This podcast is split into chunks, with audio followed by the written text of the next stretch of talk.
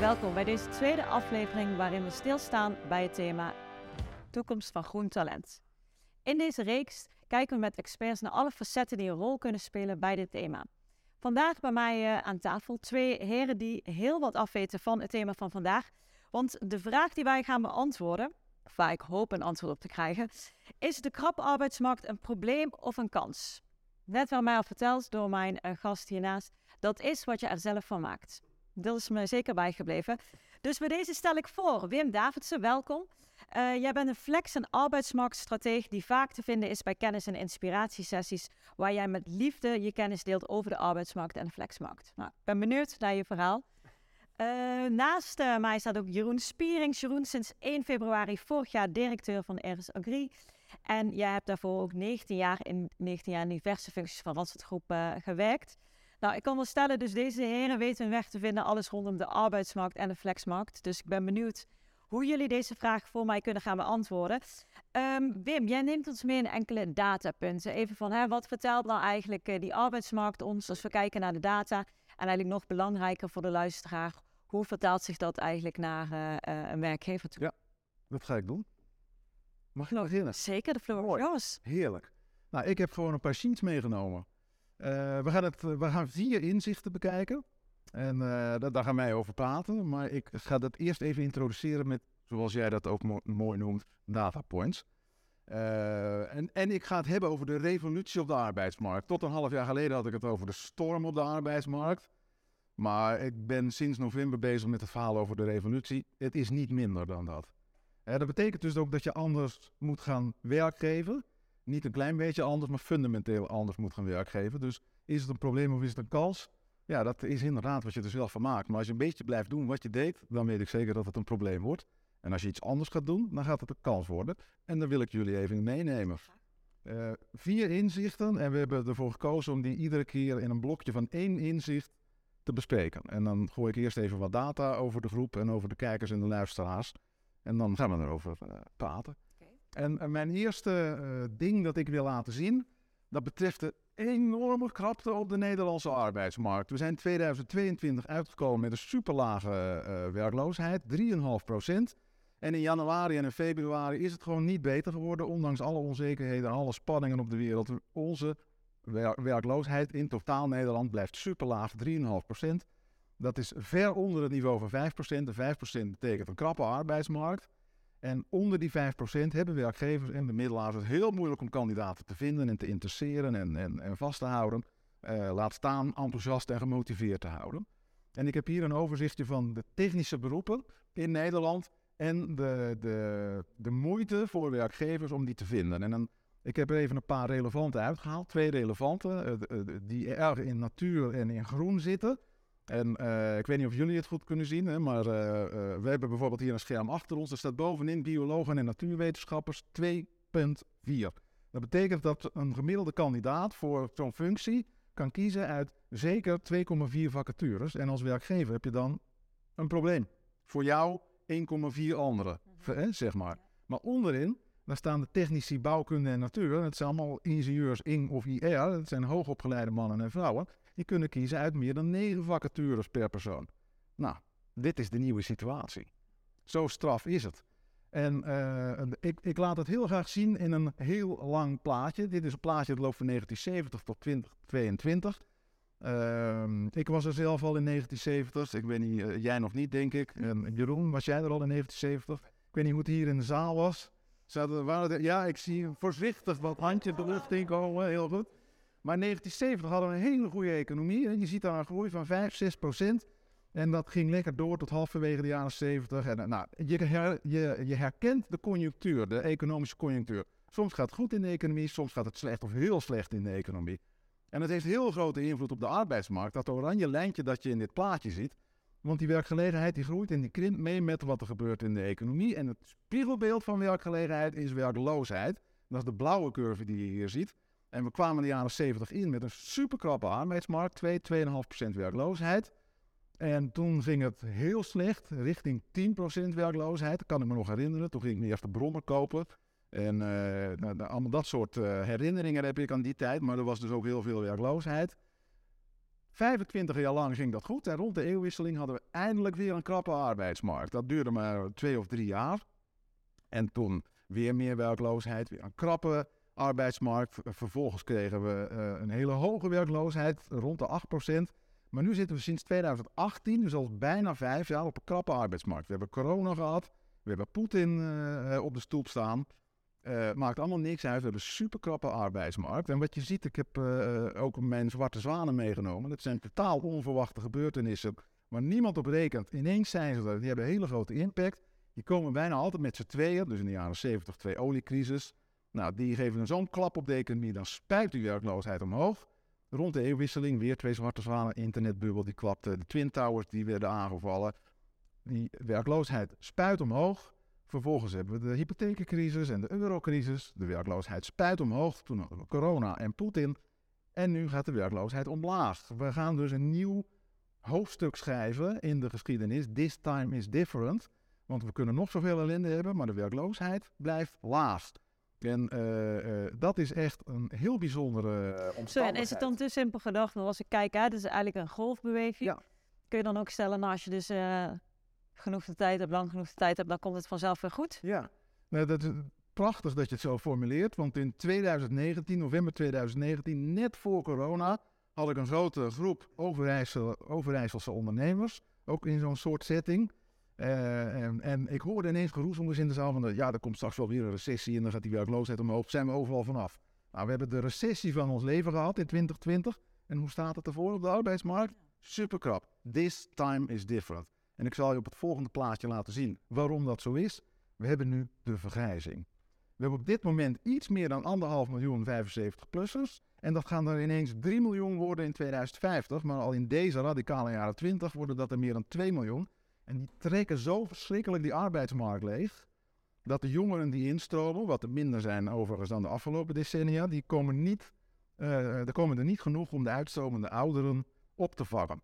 Dus onze uh, potentiële beroepsbevolking gaat stabiliseren, misschien zelfs iets afnemen in de loop van deze radicale jaren 20. En dan tegelijkertijd gaat onze zorgsector, wat veruit de grootste werkgever is in Nederland, heeft meer mannen en vrouwen nodig vanwege die vergrijzing. Die heeft nog zeker 200.000 meer mensen nodig om al die ouderen te verzorgen. En we hebben nu al geen volk. Kortom, de spanning zit hem in de vergrijzing en de zorg die we daarvan nodig En als je kijkt, volgens mij zijn wij als organisaties ook altijd op zoek van hoe kunnen we productiever zijn, hoe kunnen we effectiever zijn, ja. uh, hoe kunnen we ook meer, veel meer met machines inzetten. Ja. Dat, ik hoor je zeggen dat heft dus niet genoeg op om deze gap te dichten. Ik denk dat we daar uh, komend kwartier nog wel een paar keer op terug uh, gaan komen. Maar op dit moment lost dat het probleem niet. Korte termijn. Op. Ja, op de korte termijn hebben we daar helemaal niks aan. Nu hebben we het over ChatGPT en dat er weer allerlei functies zullen vervallen. Nou, maak je borst maar nat. Voorlopig hebben we er niks aan. Het is wel heel handig. Het is heel handig, maar het levert eerder meer dan minder werk op, zullen we gaan zien. Dus mijn stelling is, mijn eerste inzicht is, we hebben nu een krapte, die is enorm, maar is hier to stay. Hier gaan we niet meer van afkomen. Jeroen, kijk even naar jou. Wat is jouw ervaring hierin? Welke pijnen of klaagzamen hoor je wellicht van uh, werkgevers? Nou, we hebben natuurlijk in de rol als arbeidsbemiddelaar altijd um, wel iets met werkgevers waar spanning op zit.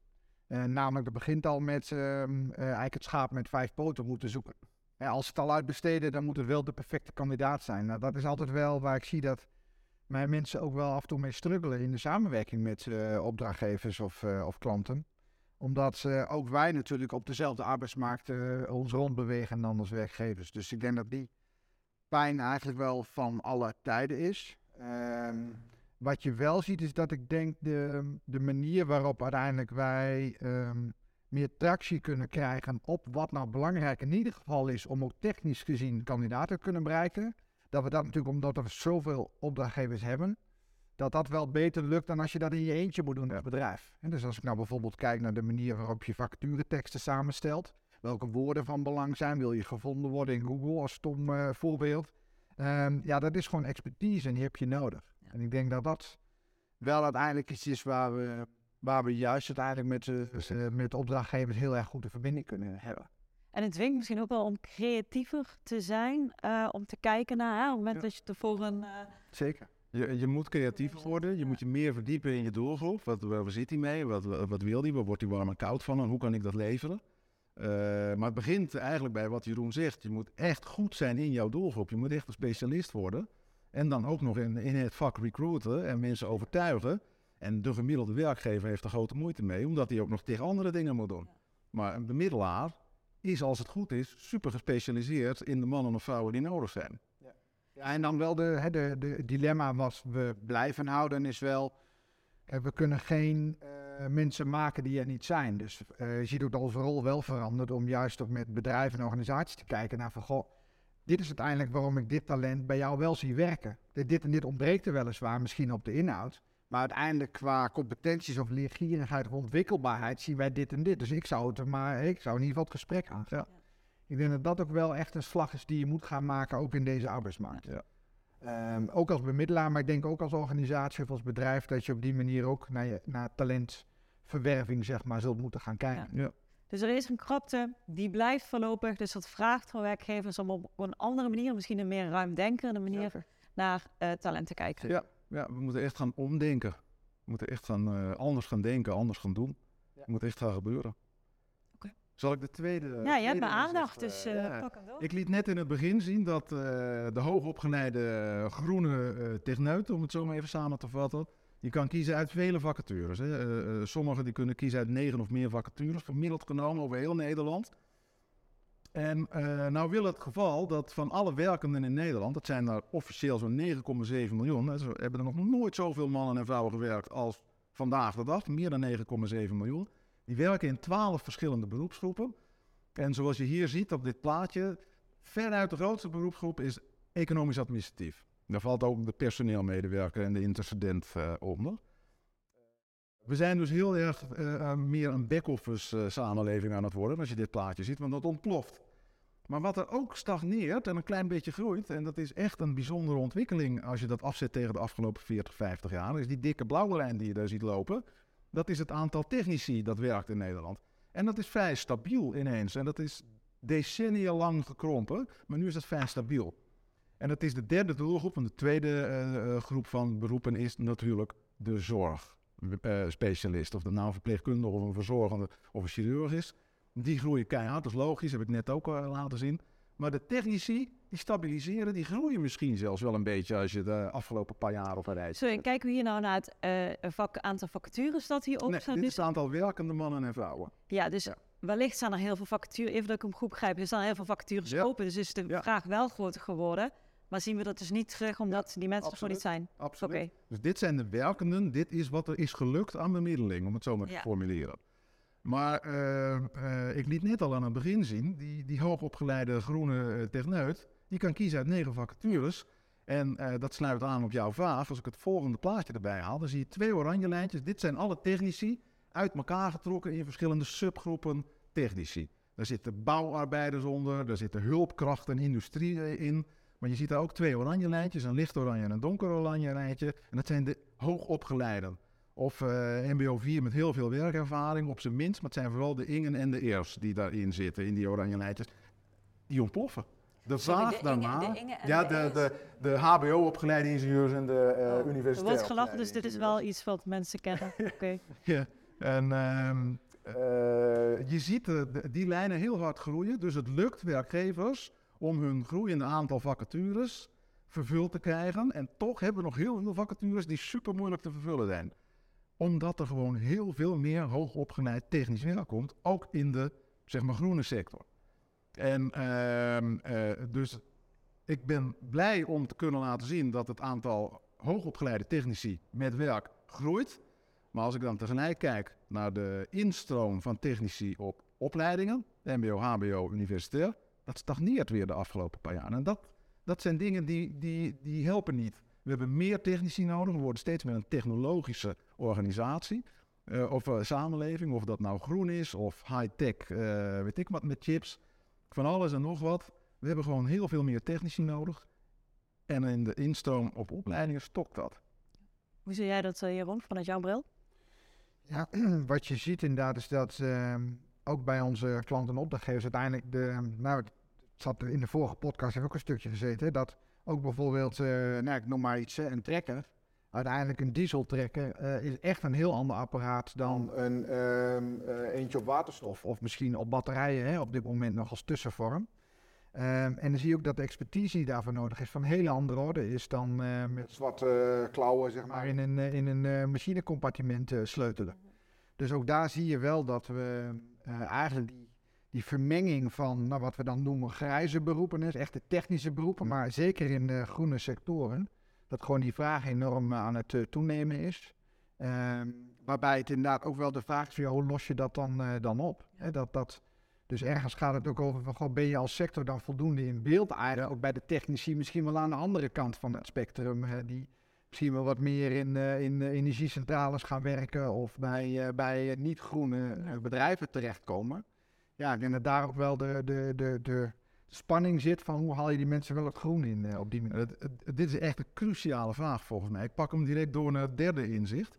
Want uh, wat je nu ziet op dit moment op de Nederlandse arbeidsmarkt is dat, uh, dit is een heel complex plaatje, maar ik, ga er een verhaal bij vertellen natuurlijk. Je ziet dat blauwe kolommetjes lopen, dat betekent de groei van het aantal mensen met vaste contracten, met contracten voor onbepaalde tijd. En dat groeit al sinds, 19, sinds 2017, dus al een jaar of zes. Daar is de linkse politiek natuurlijk super blij mee. En waar de linkse politiek ook heel erg tegen is, is dat het aantal flexwerkers ook groeit. Nou, dat groeit niet in Nederland, dat ontploft. Je ziet daar het aantal ZZP'ers is een uh, afgelopen half jaar met bijna 14% gegroeid. Dat vindt de linkse politiek natuurlijk echt verschrikkelijk. En het aantal detacheringskrachten, of het aantal uren dat die detacheringskrachten werken, groeit ook met ongeveer 10%. Dus het aantal vaste contracten groeit, maar het aantal flexuren groeit nog veel harder.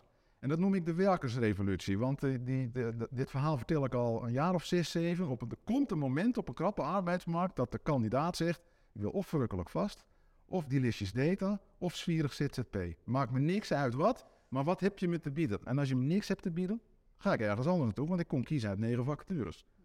En hier zie je nu eindelijk dat mensen inderdaad kiezen voor verrukkelijk vast, maar ook voor zwierig ZZP en ook voor delicious data. Ja, dan moet je dus echt anders gaan denken en anders gaan redeneren, zowel als werkgever als als bemiddelaar. Want zij bepalen wat er gebeurt. En met zij bedoel jij de medewerker? De medewerker, de kandidaat, de zittende medewerker of de nieuwe kandidaat, die bepalen dat. En dat zien we ook, hè. ze stemmen nu met hun voeten. Afgelopen voorjaar, nu ongeveer een jaar geleden, is echt de revolutie uitgebroken Afgelopen jaar is meer dan 20% van alle werkenden in Nederland van werkgever verwisseld. Dat hebben we nog nooit gezien. Dat is echt een historische breuk. Daarom noem ik dit revolutie. En we hebben nu onze eigen grote Nederlandse Great Resignation. Mensen zeggen gewoon, als jij mij niet verrukkelijk vast die listjes data of Swiro ZZP biedt, ben ik gewoon weg. Voor jou of anderen. Wat zijn, wat zijn voor jou, eh, Jeroen? Met welke redenen komen mensen eigenlijk misschien wel bij jullie aan het bureau om zo te zeggen van ik wil een nieuwe baan? Wat zijn hun bewegen? Redenen om weg te gaan? Ja, ik denk dat het een beetje uh, afhangt van uh, de werkervaring die iemand heeft. En we zien dat met name schoolverlaters best moeilijk vinden om te kiezen. Ja. Als je uit negen ja. vacatures moet kiezen, welke kies je dan? Dat Daarom gaat dat detacheren zo hard. Dat vinden schoolverlaters echt geweldig. Dan kunnen ze een beetje proeven eigenlijk aan alle ja, Mooie begeleiding, vaak ook al een vast contract of een contract voor drie jaar. En dat werkt geweldig voor die gasten. Daarom ontploft dat zo. Ja, en dan uiteindelijk de hulp die we kunnen bieden is om ze uh, ook, en dat gaan we in de andere podcast ook over hebben, is van joh, waar, waar ben je dan prettig? En dus wat vind je nou een fijne werkgever en hoe zit dat dan voor jou? Even los van de inhoudelijkheid, want die inhoudelijke banen die zijn er dus allemaal wel. Ja. Maar wat is dan voor jou een eerste keus? En wees ook niet te bang om in een eerste keus ook een fout te maken.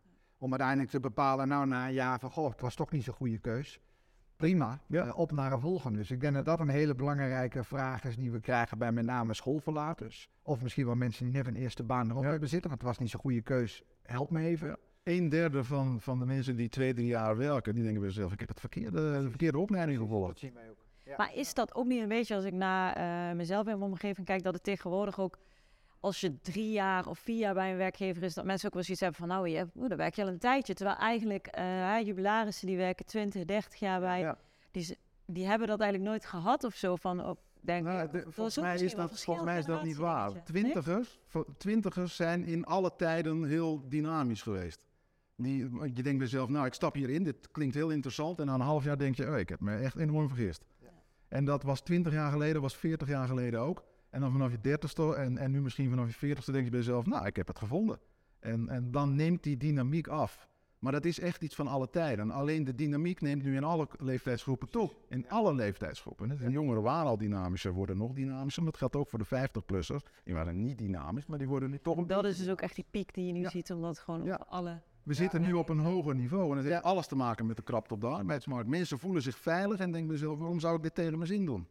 Ja, en wat we ook zien is dat inderdaad met name eh, als wij eh, mensen benaderen die bijvoorbeeld eh, hun derde of vierde of vijfde baan al hebben, dat die wel heel erg afwegen van nou je moet echt wel wat beters voor me hebben, wil ik überhaupt met je het gesprek aangaan. Dus je ziet dat eigenlijk ook wel terug gewoon in, in ons dagelijks werk, hè, dat, we, ja, dat de, de manier waarop je het gesprek moet voeren ook moet veranderen. Ja. Dus bij de school verlaten veel meer van goh, help me eigenlijk zoeken in dat enorme Wees woud mijn gids. vacature, wees mijn gids.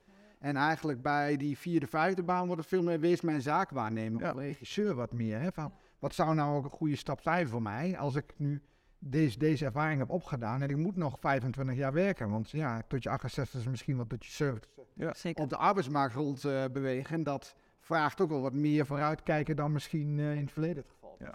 Ja, jij zegt 70, maar de officiële statistieken lopen al tot 75. Ja. Dus ik weet, niet, eh, ik weet niet of jullie dat uh, zelf al hebben Dank je, dat was heel op. Maar je moet tot je 75 Ja, hè, maar mijn derde inzicht is dus, we zijn nu echt begonnen in die werkersrevolutie. They call the shots. Je moet nu gewoon naar ze luisteren. Waar zitten ze mee? Waar lopen ze tegenaan? En hoe kan ik jou dan helpen als bemiddelaar en of werkgever? Eh, het is niet anders, maar het is echt superleuk. Want je mag je nu gaan verdiepen in de zielenroerselen van jouw kandidaat. Alleen maar Vraag wel soms, want eh, als ik kijk naar werkgevers of ondernemers, ze hebben zich gepassioneerd over hun eigen organisatie. Ja. Wat ik dan soms hoor, is dat mensen zeggen, ja, maar je moet wel echt voor mijn organisatie willen werken. Dus Ja. als het dan niet, eh, dan doe maar niet. Dus daar zit ook een soort van, ja, iets... Ja, zo ging dat vroeger, zullen we maar zeggen. En dat zou eigenlijk nu niet meer moeten. Eh, maar dat vraagt tegelijkertijd wel moet wel van twee kanten komen. Ik zeg ook altijd, eh, de werkgever is 51% verantwoordelijk voor dat het lekker loopt. Maar die werknemer, die nou een vaste dienst of een flexdienst is, die werknemer heeft ook 49% verantwoordelijkheid. Die moet ook zijn best doen. Ehm, maar eh, achter tafel gaan zitten, tegen de sollicitant zeggen, nou, hier ben je dan. Wat kun jij voor ons betekenen? Die gaat niet meer werken. Oké, ik ben benieuwd dus naar jouw vierde They call the shots. Ja, En dat betekent dat je echt goed naar ze moet gaan luisteren. Wat drijft die mannen en vrouwen nou? En eh, het, is, eh, het is een Amerikaans onderzoek, dat komt, het is afgelopen winter uitgevoerd en ook gepubliceerd. En daar kwam uit dat in de westerse wereld, dus daar horen wij ook toe, in de westerse wereld jongeren steeds meer kijken naar de missie, naar de purpose, naar de why van de organisatie waar ze eventueel zouden kunnen gaan werken. En als die interessant is en ze herkennen hem ook zeg maar, in het dagelijks leven van, van zo'n organisatie, dan willen ze daar heel graag werken. En dan blijkt ook dat ze 7 tot 9 procent minder salaris nodig hebben of vragen. Omdat die purpose, en dat is echt het hoogste niveau van onze behoeftebevrediging, dat, dat doet heel veel goed. En toen dacht ik nog, oké, dit is een internationaal onderzoek. Hoe interessant is dat specifiek voor Nederland? Een paar weken geleden komt er een groot Europees onderzoek alleen op Nederland gericht. En daar komt nog concreter uit dat jongeren steeds meer zich afvragen en die eventuele werkgever afvragen: wat is jouw impact op het klimaat? Nou, groener kunnen we het niet hebben. Eh, jij zei het al eerder, Jeroen, eh, in deze podcast. Eh, mensen zijn op zoek naar groen. En ik denk dat deze sector bij uitstek geschikt is om te laten zien: wij zijn groen. Wij doen aan groen. Jij kan bij ons al je, je wensen op het gebied van purpose, betekenis, missie kun je bij ons kwijt, want wij zijn bezig met de wereld groen te maken. En dat vinden Nederlandse jongeren meer belangrijk dan ooit en ook meer belangrijk dan andere Europeanen dat vinden. We zijn een heel raar volk. Wij lopen op het gebied van de arbeidsmarkt voor op de rest van de wereld, omdat wij zo krap zijn op onze arbeidsmarkt. En eh, dat is dus heel belangrijk. Dus ik zou iedereen willen aanbevelen, word alsjeblieft wakker. Hè, en zeg ook, eh, eh, neem even de tijd om die vierkante wielen te vervangen door echte ronde wielen. Blijf niet in de steen de tijdperk hangen, maar ga mee naar die nieuwe toekomst toe. Ja, en dat betekent voor mij dat je aanstekelijk werkgever wordt. En met aanstekelijk bedoel ik echt het vuur van die kandidaat aansteken, in vuur en vlam zetten. En dat doe je door bijvoorbeeld te luisteren naar die, ja, wat, wat wil ik? Wat heb ik nodig? Hoe kun je me helpen? En ja, dan, dan bezorg je organisatie de vibes. Je vindt, interesseert mensen, je houdt ze bij en je houdt ze engaged. En eh, het blijkt ook dat eh, eh, organisaties die dit voor elkaar krijgen, die hebben een, een hoge employee engagement. Ja, die zijn veel productiever, veel innovatiever, minder verzuim, minder verloop, veel meer aantrekkingskracht op de arbeidsmarkt. Supersterke business case. Dus ja, mijn stelling is, je moet dus aanstekelijk Nee, en dit klinkt, weet je, dit klinkt, wil iedereen. Minder Ja. ziekteverzuim, bevlogen medewerkers. En dan moet je Maar wel een aanstekelijk werkgever worden. Ja, en heb je daar dan, want anders blijft het voor mij wel een groot begrip. Dan denk ik, waar zou ik moeten beginnen? Wat zou voor jou dan een eerste tip zijn? Weet je, wat zou dan, als ik hier nu als eh, opdrachtgever zou staan? Als ik masterclasses aanstekelijk werkgeverschap Ja. geef, dan teken ik dat zonnetje, want dat is voor mij het symbool voor aanstekelijkheid. En dan in de kern van die zon staat de persona. Wie is mijn doelgroep op de arbeidsmarkt? Wel- Welke 1, 2, 3 soorten personen zijn dat? Hoe leven die? Wat zijn hun drijfveren? Wat zijn hun issues? Wat zijn hun problemen? Wat zijn hun hopen en verlangens? En hoe passen die bij mij in mijn cultuur? Of zouden moeten passen in mijn cultuur? En hoe, passen die, eh, hoe, hoe heb ik die verwerkt in mijn werkpropositie? En vervolgens ook in mijn dagdagelijkse leiding. Want daar gaat het juist heel vaak fout. 70% van de problemen van werkgevers zit in de dagdagelijkse leiding. Omdat de baas zegt, ik ben de baas, je moet naar me luisteren. En die medewerker zegt, zo ben ik niet opgegroeid. Ik mocht bepalen de kleur van onze nieuwe auto. Waar we twee keer per jaar naar vakantie gingen en hoe lang. En wat we gingen eten de rest van de week. En nu moet ik naar mijn baas luisteren. Ik dacht het niet. Voelt onwennig. Jeroen, Best ken je dat? Ja, en ik denk dat ze, wat Wim ook aanstipt, hè, dat het gaat over. ehm, even los van dat je goed naar buiten moet kijken, uiteindelijk ook naar jezelf moet spiegelen. Ja. Van joh, hoe doe ik dat dan eigenlijk? Hè? Ben ik met misschien wel hoe ik georganiseerd ben, of het type mens binnen mijn organisatie, of misschien ook wel het type leidinggevende? Past dat dan eigenlijk als ik heel goed naar buiten heb gekeken? Daar zie ik wel veel, eh, nou laten we zeggen, dat dat nog niet zo heel erg uitgelijnd is. Dus je kunt wel een hele mooie plaat tekenen van, goh, zo willen we het. hè. Een beetje wat, jou, wat je appelleert bij Wim, Mhm. van, goh, dat klinkt heel mooi, dat wil iedereen, klopt. Ik denk dat de spiegel naar binnen super belangrijk is. En dat vraagt best wel ook een zelfkritische houding. En ik denk dat daarin ook nog wel winst te halen valt. Van, joh, hoe zelfkritisch durf je te zijn? Van, Ja. goh, hoe doen we dat eigenlijk met Ja. elkaar? Maar je Praten moet, ook gewoon je in de boardroom of in een MT of misschien wel Ja. gewoon in de kantine over dit soort zaken met elkaar. Van joh, wat, wat is nou eigenlijk eh, wat wij bijdragen aan of een beter milieu of een transitie of ja, best grote termen. Ja. Maar dat dialoog daarover en de zelfreflectie is super belangrijk. En uiteindelijk moet die, medewerker, die nieuwe medewerker die dan uiteindelijk wordt geonboard, die moet dat elke dag Precies. melken. Aan de collega's, maar ook aan de leidinggevende, de direct leidinggevende en ook aan de berichten die komen uit de raad van bestuur of uit de directie. Nee, dat sluit aan op wat ze me hebben beloofd en wat ik zelf elke dag probeer te doen. En als het niet aansluit, in de zorgsector hebben ze een waanzinnig probleem, want je moet zorgen voor mensen. Maar je bent 60% van je tijd bezig met spreadsheets invullen en certificaten eh, eh, zeker stellen. Er zit een mismatch in de verwachtingen. Precies. En dan, dan moet je, precies wat Jeroen zegt, je moet echt naar binnen kijken. Kan ik dat elke dag bij elke beslissing waarmaken? Of eh, doe ik dat eigenlijk niet? We komen al een beetje richting het einde van deze podcast. Dus ik ben ook even benieuwd. Zijn er nog vragen uit de zaal? Steek dan even je hand op. Dan komt mijn collega Jochem naar je toe. Klinkt wel Yes. Ehm, in het eh, beige, ja. een groot probleem als je kijkt naar eh, de cruciale beroepen. Zorg, eh elektriciëns, bouw, noem maar op. Gaat, kunnen we dan niet stap eh, nog verder terugzetten? Gaat er dan iets aan niet verkeerd bij de allocatie binnen eh, van het personeel? Werken er niet te veel mensen op beroepen die er eigenlijk niet zoveel te doen? Eh, terwijl we natuurlijk een gro- groot probleem gaan krijgen in bijvoorbeeld de zorg en in, ook in het onderwijs. Nou, dat zijn, dat zijn eigenlijk heel verschillende problemen die je nu even kort aanstipt. En dat vergt dus ook heel verschillende oplossingen. Want de zorg heeft absoluut geen instroomprobleem. We, we hebben echt absoluut, hè, de, de, nou, de gemiddelde werkgevers in de zorg die hebben voldoende instroom, maar die hebben veel meer uitstroom. Dus dat is een ander soort probleem. In de techniek hebben we wel een instroomprobleem. En dat is omdat we de afgelopen vier decennia ervoor hebben gezorgd dat technisch vies werk is. Ja, dat zit nog in de hoofdjes van papa en mama en dus ook van de kinderen. En dat moet eruit. En dat kun je niet dwingen. En Je kan niet zeggen, je, ik verbied je nou om kapper te worden, maar je moet techneut worden. Dat gaat niet werken. Dus eh, je moet werken aan het imago van technisch werk. Ja, en daar hebben we nog een slag te slaan volgens mij als Nederland. Maar je oproep zou wel zijn iets meer dus ook gaan verleiden. Ja, natuurlijk. Ja. dat, dat is precies, dat, dat is precies het woord dat ik er ook altijd voor gebruik. Je moet mensen verleiden.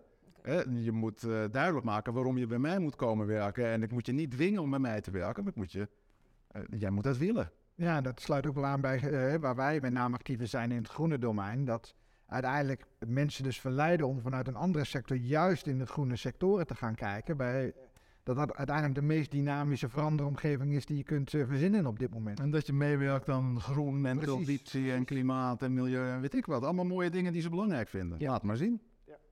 Ik snap al dat jullie hier in deze groene sector eh, zeer gepassioneerd. Ik had nog één laatste vraag daar. eh, ja, Jochem, even een momentje. Dat we je goed horen. Ja. Leuk dat je begon over het imago van de sector. Dat is ook in de regio waar ik werkzaam ben, de regio Zwolle, eh, hè, eh, aan de hand waar de werkgevers mee zitten. Maar ik- mijn vraag gaat er, er- ergens anders over. In een van de eerste sheets zag ik dat de grootste groep eh, de administratieve... Ja. Dat viel mij echt heel erg op. Is dat ook nog een groeiende sector? En zo ja, heeft dat er ook mee te maken dat er steeds minder een maakindustrie is? Of eh, staat het er los van? Nou, de maakindustrie is eigenlijk ook aan het stabiliseren. Die heeft ook decennia krimp laten zien natuurlijk, maar die is sinds 2017 serieus gestabiliseerd en misschien zelfs wel een beetje aan het groeien als je het positief wil zien. Dus dat gaat goed, denk ik. Eh, wat er fout gaat op het gebied van economisch administratief is dat wij, wij zijn totaal alles aan het bureaucratiseren. Als je kijkt naar de bankaire wereld, de werkgelegenheid in de bankaire wereld is eh, tot twee jaar, drie jaar geleden gekrompen. Want er werd steeds meer geautomatiseerd. Toen dachten we, hé, hey, we moeten mensen op witwassen gaan checken. En er zijn eh, jonge specialisten opgezet, know your customer specialisten. Dat zijn jonge, hoogopgeleide economen, administratief eh, mannen en vrouwen. Die zitten daar super saai, routineus werk te doen. Omdat Brussel en onze overheid heeft bedacht, ja, we moeten meer controleren. We hebben nog meer bureaucratie nodig. En wij, eh, in allerlei sectoren loopt de bureaucratie de spuigaten uit. Daar moeten we mee stoppen. Eh, ik gaf net een voorbeeld van de zorg. Er wordt te veel op checklist en, spreadsheets gestuurd. En dat geldt zeker ook voor die economen en die administratief medewerkers. Die, die zijn, eh, dat aantal ontploft omdat er steeds meer gecontroleerd en geverifieerd moet worden. Daar kun je niet voor zijn. Zeker niet op zo'n krappe arbeidsmarkt. Dank je.